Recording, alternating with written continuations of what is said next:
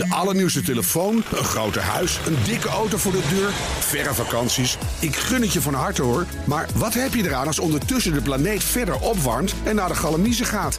Wil je echt weten hoe het zit en wat we eraan kunnen doen? Luister dan naar BNR Duurzaam. Elke maandag tussen 3 en half 4 op de radio en altijd online als podcast. Want die volhoudbare wereld, die maken we samen. BNR Duurzaam wordt mede mogelijk gemaakt door Milieuservice Nederland. De ondernemende afvalpartner voor zakelijk Nederland.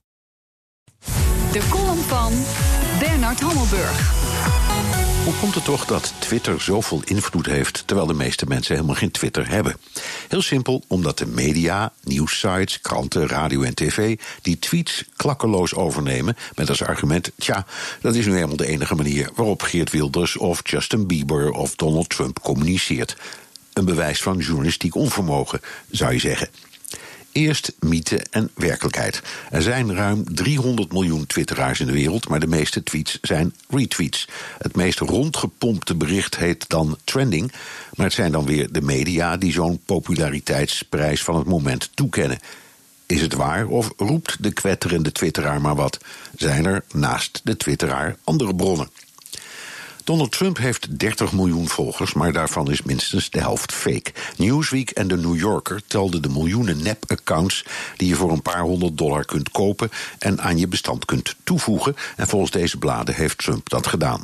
Voor een president bij wie de grens tussen mythe en werkelijkheid troebel is, dus een fluitje van een cent.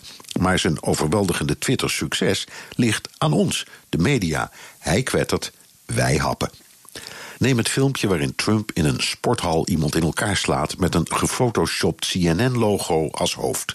Trump was niet de maker van de video, maar verspreidde die wel als tweet. Gevolg een enorme discussie over de vraag of de president geweld propageert. Let wel, een discussie in de media.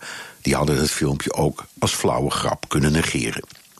Datzelfde geldt voor Trumps haattweets tegen Morning Joe-presentatrice Mika Brzezinski, die, al dus de president van de Verenigde Staten, vreselijk door haar facelift heen bloedt. De wereld was te klein, politici en journalisten vielen over elkaar heen met hun verontwaardigde reacties.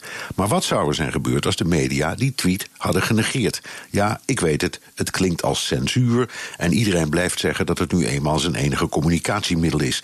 En toch, en toch, en toch, haak eens af. De Twittergemeenschap gaat maar lekker haar zalige gang, maar nergens staat dat je al die onzin op je website, in je kranten of op je radio of tv-zender moet herhalen. Als je een open riool ziet, gooi er dan een putdeksel op. Zo, column van Bernard Hammelburg kun je teruglezen en luisteren via bnr.nl en via de BNR-app.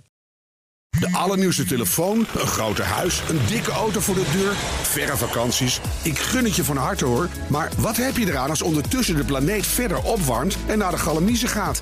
Wil je echt weten hoe het zit en wat we eraan kunnen doen? Luister dan naar BNR Duurzaam. Elke maandag tussen 3 en half 4 op de radio en altijd online als podcast. Want die volhoudbare wereld, die maken we samen. BNR Duurzaam wordt mede mogelijk gemaakt door Milieuservice Nederland. De ondernemende afvalpartner voor zakelijk Nederland.